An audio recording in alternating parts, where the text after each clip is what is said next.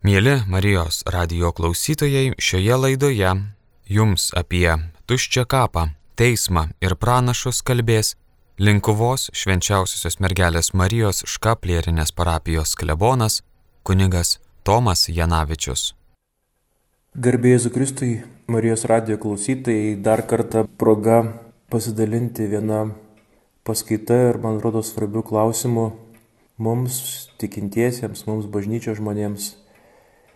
Ši tema liečia pranašus, bet kartu ir daug plačiau, kol galų gale ir pats Jėzus kaip galutinis pranašas bus atsiųstas gelbėti žmonės, atiduodamas gyvenimą. Tai tema suprasti ir dar daugiau po to gyventi ją būti žmogumi, reikštis kaip žmogui, dieviškomis savybėmis, gelbėjant, saugant, mylint, taip kaip jis, kaip Jėzus Kristus. Pranašas mato dalykus geriau negu kiti.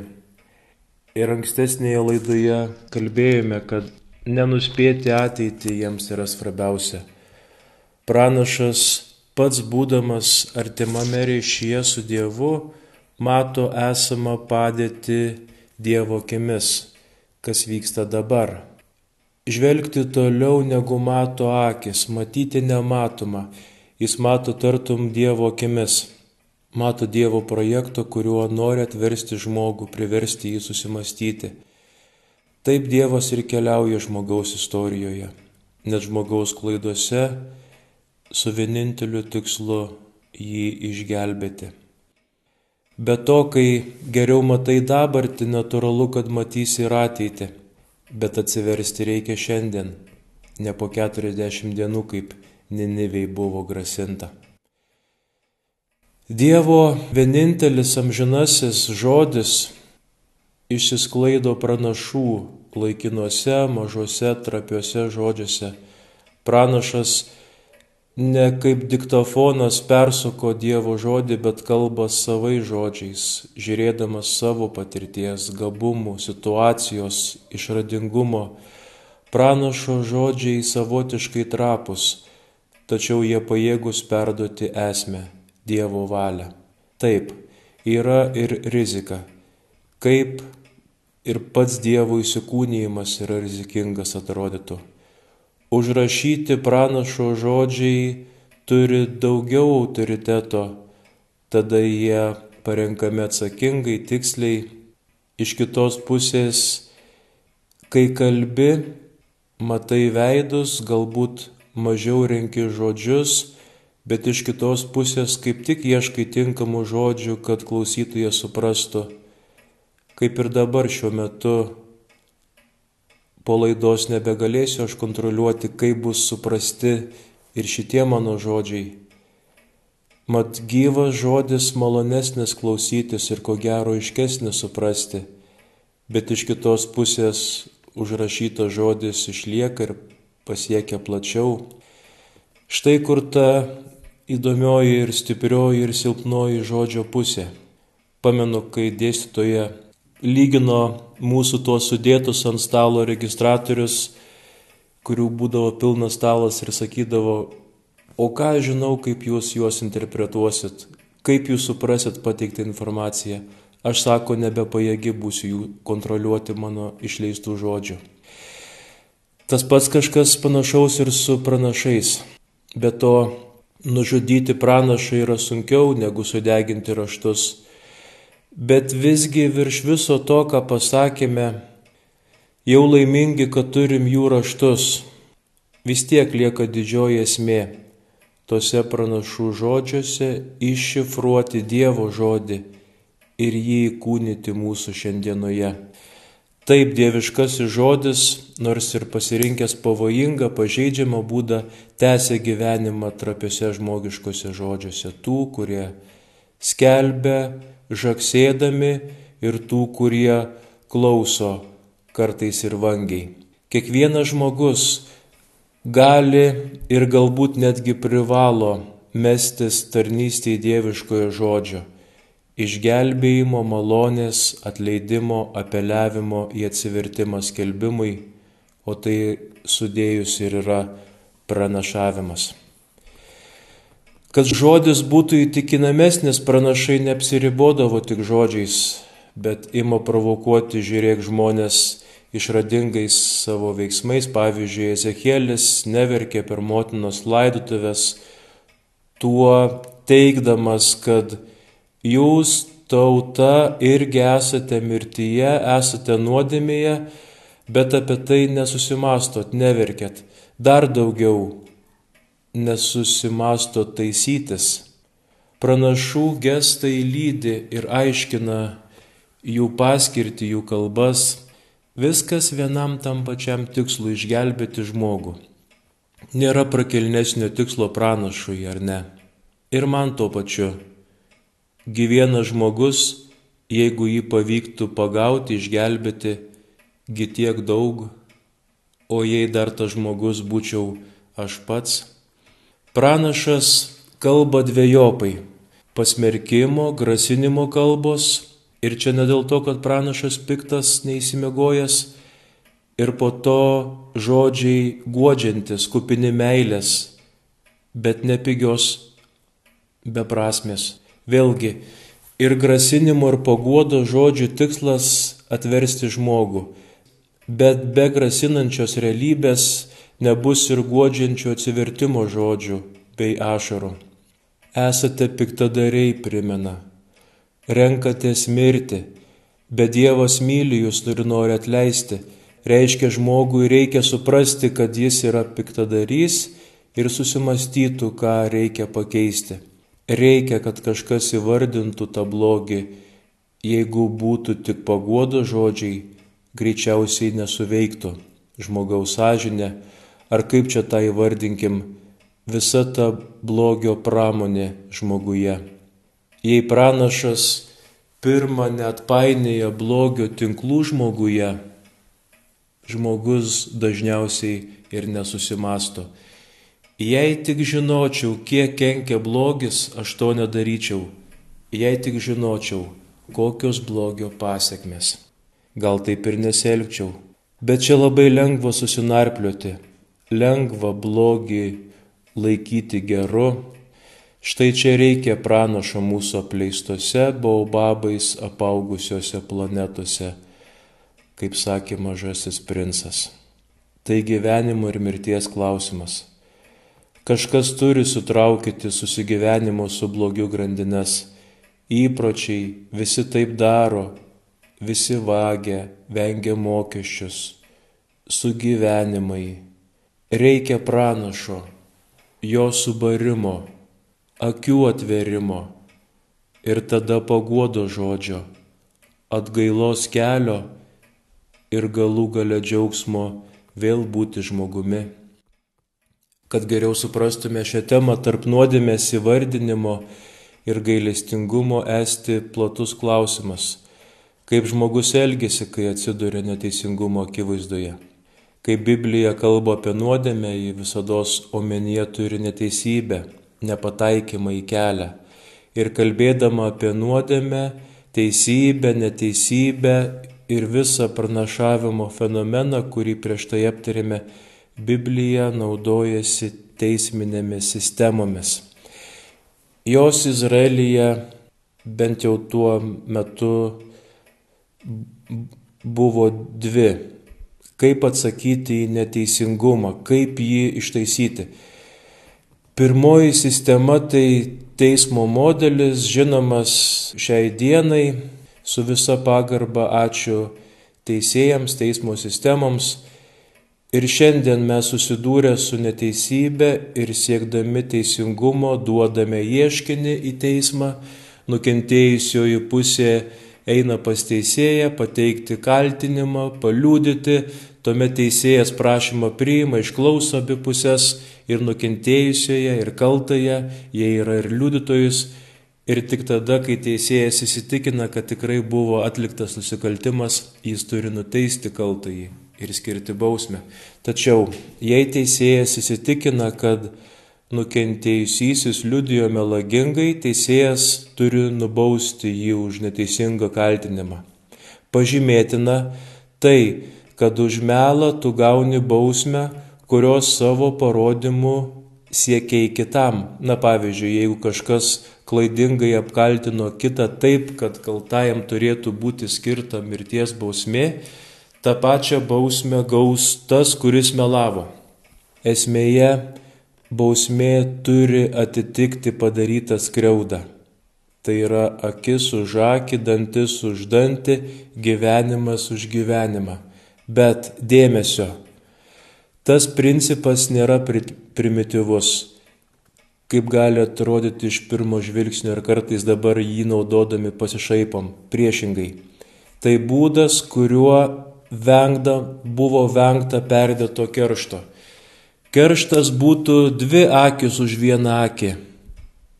Šis būdas saugo abi pusės, kad bausmė būtų atitinkama nei mažesnė, bet ir nedidesnė už padarytą skriaudą. Taigi teisėjas turi būti labai atsakingas, viską pasvėręs ir tik teisingumui atsidavęs ir dėmesio čia nelabai lieka vietos gailestingumui. Čia turi triumfuoti teisingumas. Nenubausdamas kaltojo, teisėjas nuskriaustų auką.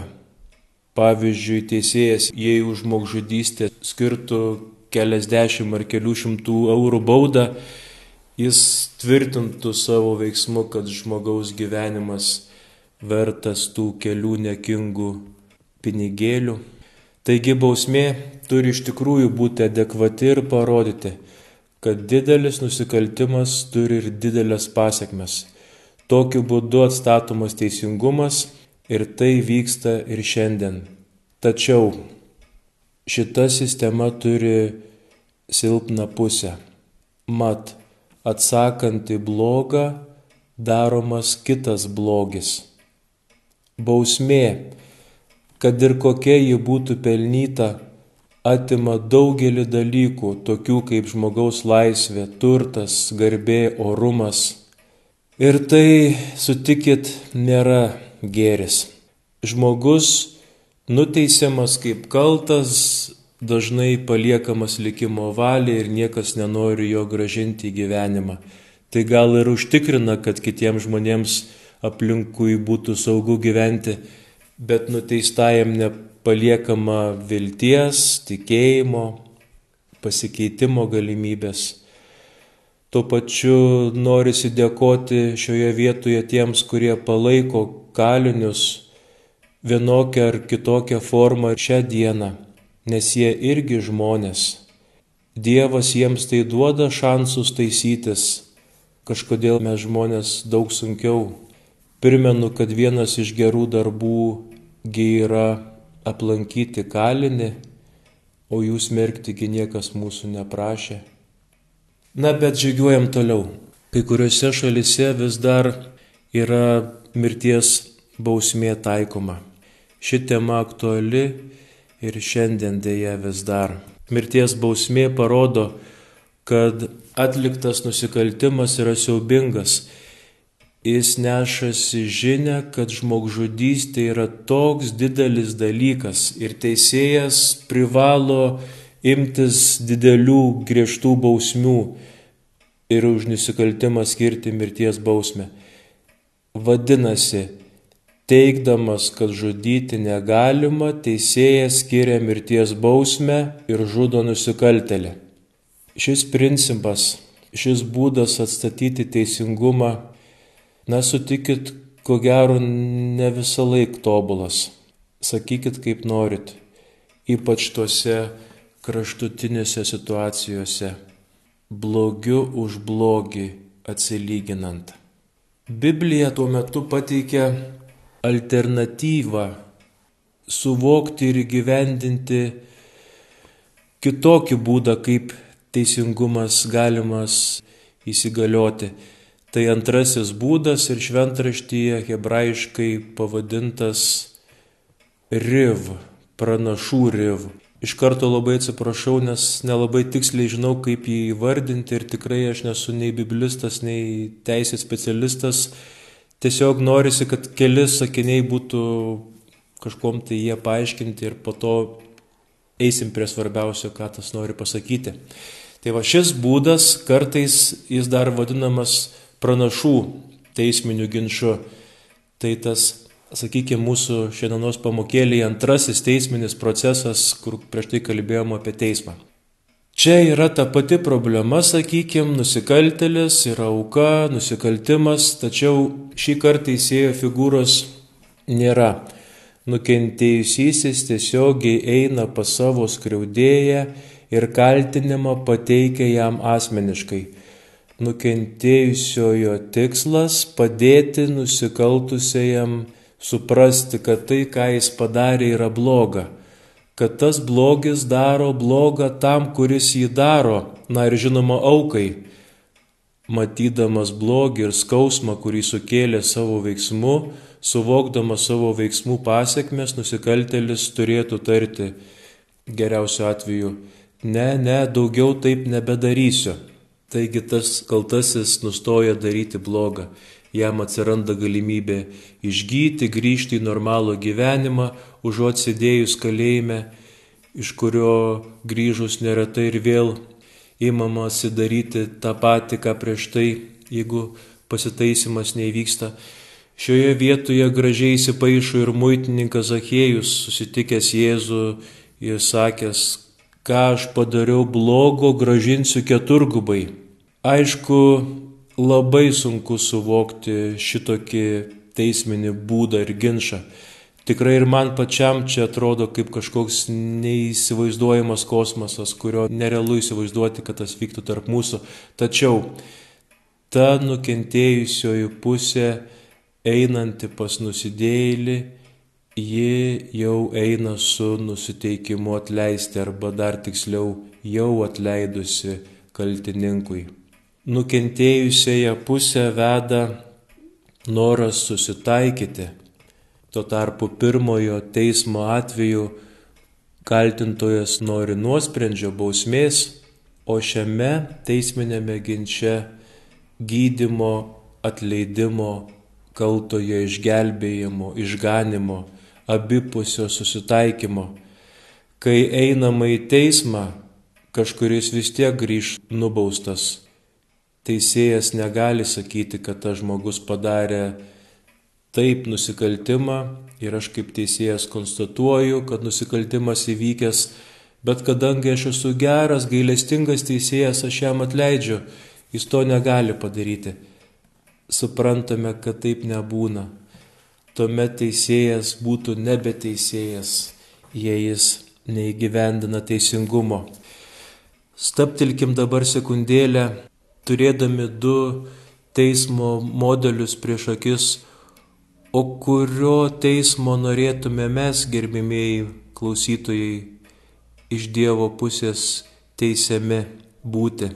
Kokiame Dievo teisme mes norėtumėm atsidurti. Tokiam, kur teisėjas yra ir laukia atitinkama bausmė už mūsų nuodėmės, kiekvieną nuodėmę. Ar tame, kur kur buvo mūsų įvardintas Riv teismas, kuriame Dievas laukia mūsų atsivertimo kiekvieno. Jei sakome, kad Dievas yra teisėjas jau dabar, už gerą atlygina, už piktą baudžią, kaip mes katekizmuose skaitom, arba priešui sakom mėgstamą sakinį, kad tave Dievas pakorotų, situacija darosi komplikuota. Tuomet primetame, kad Dievas, jei jis teisėjas, jis paprasčiausiai negali atleisti. Žinoma, paskutiniam teisme Dievas bus teisėjas, nes pasibaigus gyvenimui nebėra galimybės atsiversti.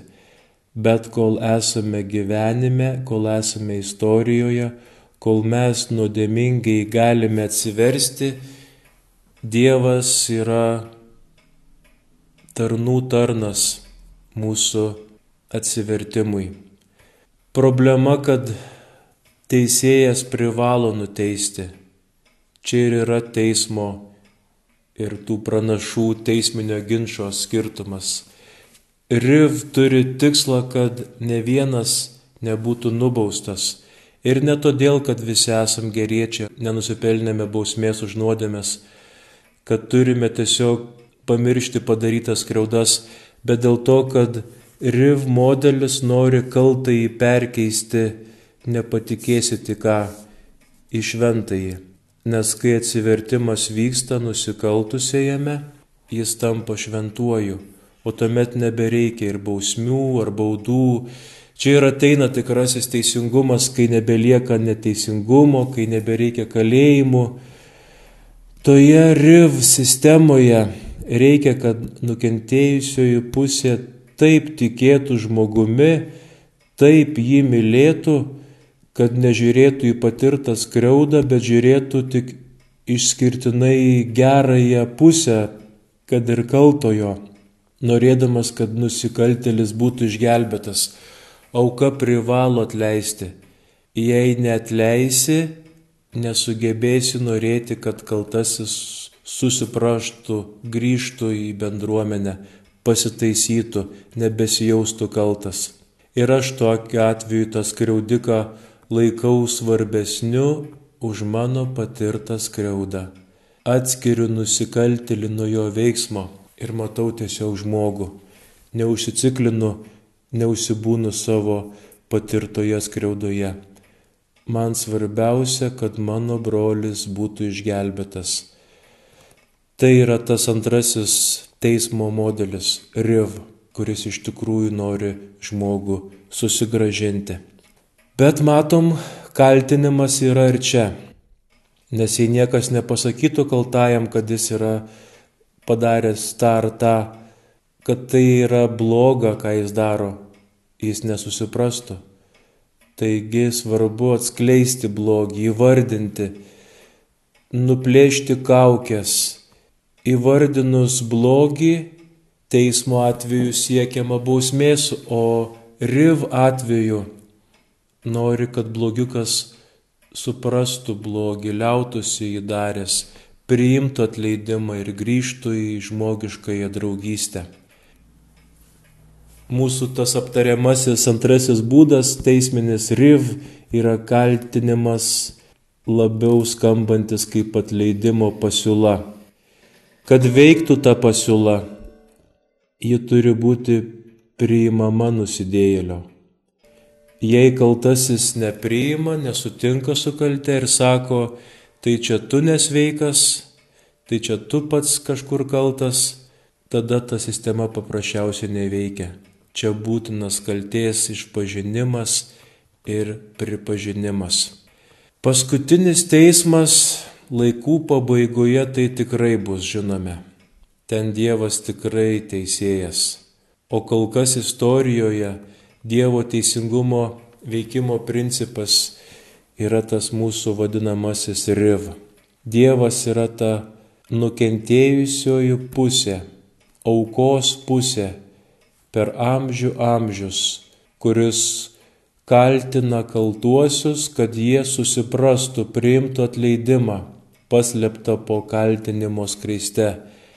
Taip įvyksta susitaikinimas su Dievu. Toks kaltinimo modelis dažniausiai įdėtas į pranašų lūpas.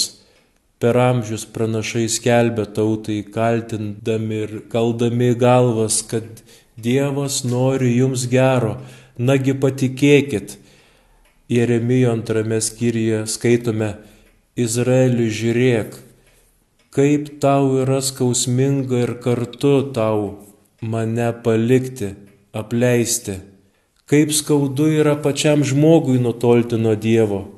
Tai tiesos atskleidimas, kad blogis daro blogą pirmiausia pačiam jį darančiam. Tau pačiam skaudu, pamatyk, pripažink, nebeslėpk. Reikalinga išpažinti kaltę, bet Dievas atleidžia tikrai ne dėl to. Pažiūrėkim, kaip tai veikia mūsų išpažinties sakramentuose. Nėra juk taip, kad mes išpažindami nuodėmės Dievą sugraudinam, permaldaujam savo saldžiais žodžiais, Dievulį susimilkant manęs. Ne, yra kaip tik priešingai. Nusidėjėlis gali išpažinti savo kaltę tik todėl, kad Dievas jau yra atleidęs. ir nuo to momento pripažinęs kaltę, nusidėjėlis tampa išlaisvintas. Pripažindamas tu priimi gailestingumą, jo netmeti ir taip atrandi, kad kalties nebėra, nes tau atleista, nes kaltindamas tave Dievas jau buvo atleidęs. Galime pridėti ir tai, kad Dievas yra atleidęs ir dar nepadarytas mūsų ateities nuodėmės, nes jis yra ne kas kitas, tik gailestingumas Tik reikalas tame, kad jo gailestingumas taptų efektyvus mums mūsų gyvenime, mes turime jį priimti, apkabinti, pripažinti, kad jo mums reikia. Ir ko gero prie to pridėčiau ir dėkoti už tai. Bausmė už nuodėmę yra pati nuodėmė. Prisimenam Jeremijos kiriaus antrąjį. Izraeli žiūrėk, kaip skausminga ir kartu tau yra mane palikti, apleisti. Tavo nuodėmės darimas yra tai, kas skausminga. Nuodėmė jį savaime baudžia, iki tol, kol ją išpažįstu. Tada jį jau man nebegali kenkti, kai atitaisyta. Visas Jėzaus gyvenimas, eikime prie esmės, yra tas tokiu būdu žmonijos kaltinimas kabutėse, kad tik žmogus suprastų, jog jam reikalingas atsivertimas. Dievas tau jau atleido, priimk tai. Jėzaus parabolės, palyginimai, iki paties Jėzaus kančios fakto visą tai tik tai įrodo. Na ir trumpai peržvelkim, ką reiškia Jėzaus mirtis, gal tai kažkaip kitaip nušvies ir mūsų Velykų supratimą ir tuščio kapo prasme. Pamenate RIF būdą teisėtvarką, kur apkalta iš tikrųjų reiškia atleidimo pasiūlą. Tai būdas padėti kaltajam suprasti savo nuodėmę, atleisti ją. Tai, ką Jėzus daro visą gyvenimą ir yra RIV, tai galutinis pranašas. Jis parodo ir įtikinėja žmonės apie nuodėmę žalą. Parabolės, ženklai, palyginimai, visa Jėzaus gyvenime kalba apie tai, kad žmonės suprastų esą sergantis, reikalingi mediko ir kad būtent Jėzus yra tam atėjęs atnešti išgelbėjimą, nes tai vienintelis dalykas, kurio Dievas nori savo vaikams, bet galioja ta pati taisyklė, kad gailestingumas būtų efektyvus, žmonės turi jį priimti. Jei tai nebus priimta, jei žmonės nemastys, nejaus, kad jiems to reikia, jei žmogus nesuvokia savo nuodėmių, tada Jėzaus atperkamasis darbas lieka nepriimtas. Jėzaus visa misija, kai pagalvoji, savotiškas, trapus ir silpnas kelias tikrai nesu tankais keliaujantis į žmogaus sielas, bet kaip ir pranašų žodžiai, su meile, trapiai, nesgi ir uždavinys neįlinis - palengti laisvą žmogaus valią. Vieną kartą žmonijos ir Jėzaus istorijoje įvyko toks dalykas, kai pats Jėzus pateko į teismą, tikrą teismą. Tai istorinis įvykis, Bet mes žinome, kad Jėzus ne tik istorinė persona, Jėzus taip pat ir Dievo sūnus tapę žmogumi. Taigi tai, kas įvyksta Jėzaus istorijoje, turi gali peržengti istoriją. Tai, kas nutinka mano, pavyzdžiui, istorijoje, tai ir lieka Tomo istorija. Bet kas įvyksta Jėzaus istorijoje, Dievo sūnaus istorijoje, tai peržengia pačią istoriją. Jėzus miršta nes jį nukryžiavo. Blogis buvo galingas, bet blogis ne tik tų, kurie ten buvo anuo metu, bet įvykis talpina ir visų laikų, visų žmonių blogį. Taigi ir tas teismo procesas aname teisme, tos apkaltos jam, kurios lėmė Jėzaus pasmerkimą mirti, nebuvo tik ten buvusių žmonių darbas. Į tai telpa visa blogio istorija visų žmonių. tose Jėzaus apkaltose esti ir visų mūsų nuodėmės, ir visi mūsų riksmai ant kryžiaus jį. Ten įvykęs įvykis nesiriboja tuo amžiumi ir situacija, tai visa apimanti žmonijos blogio ir Dievo meilės paslaptis. Na ir kasgi tam teisme įvyko? Jėzus, kuris visą gyvenimą kaltino kabutėse, bijau sakyto žodžio, žmonės, kad išgelbėtų, kad atleistų, dabar kaltinamas yra jis pats, bet jis kaltinamas pasmerkimui, bausmiai. Ten negali būti pasigailėjimo. Pamenate teisėjai įspraustą į situaciją, kuris negali pasigailėti. Šiaip šiuose kaltinimuose Jėzus galėjo ir gintis. Bėda yra tik ta, kad vienintelis šansas jam gintis yra pačiam kaltinti. Jei kažkas tave apkaltina neteisingai, vienintelis būdas gintis yra pačiam tapti kaltintoju, paneigiant savo kaltę. Taip įrodant, kad tai, kuo tave kaltino, buvo netikra. Įrodai, kad tai kitas yra melogingas kaltintojas, o ne tu. Pamenate pagal įstatymą, kas kaltina melogingai, turi pats gauti bausmę, kurios siekia kitam. Vadinasi, jeigu Jėzus būtų norėjęs gintis tame teisme, būtų turėjęs apkaltinti savo kaltintojus, tokiu būdu pasmergdamas juos miriop. Ir toje vietoje Jėzus nutyla. Jėzus nesigina. Jėzus kalba tik apie savo mesijinę tikrovę, apie tėvą. Kai kareivis smogė į veidą, Jėzus sako, jei pasakiau netiesą, įrodyk, o jei tiesa, ką mane muši, tai dar vienas pavyzdys riv kaltinimo. Kam tas smurtas? skaudagi tau pačiam. Jėzus kalba tose paskutinėse gyvenimo scenose tik tiek, kiek jo kalbėjimas yra atleidimo pasiūlymas, susitaikinimo pasiūlymas. Toliau jis liudija apie save kaip mesiją, apie tėvą, bet nustoja kalbėti, kai jo kalbėjimas tampa gynimusi, apkaltinant kitus. Jėzus nieko nekaltina. Jėzus tyli ir nusprendžia duoti gyvenimą, kad jo kaltintojai būtų išgelbėti. Jėzus tyli tam, kad kalbėtų jo mirtis, leidžia, kad jo mirtis būtų galutinis riv, apkalta ta, kuri galutinai išgelbėja, kad žmogus pamatęs nekaltojo mirtį susimastytų apie savo nuodėmės. Leistis, kad būtų atleista, reiškia pripažinti, kad atleisk tėvę, jie nežino, ką daro. Kaltė yra, mes nežinom, ką darom, bet jei priimam, susivokiam, gailimės, taisomės, kaltė panaikinama. Tas Jėzaus tylėjimas išlaisvino žmonės iš kalties.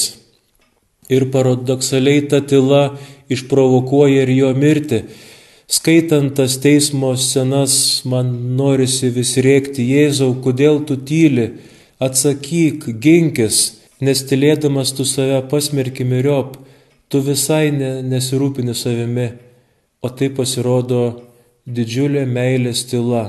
Tai didžiulė jo dovana, kuri laisvina mus nuo mūsų blogio, nes mūsų blogis norėjo nužudyti Dievo sūnų bet Dievo sunaus meilė buvo tiek didesnė už mūsų blogį, kad sugebėjo jį įveikti.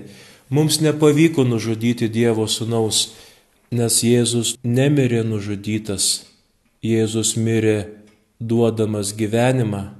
Jėzus miršta kaip auka, kuri sugeba blogį perkeisti į gėrį.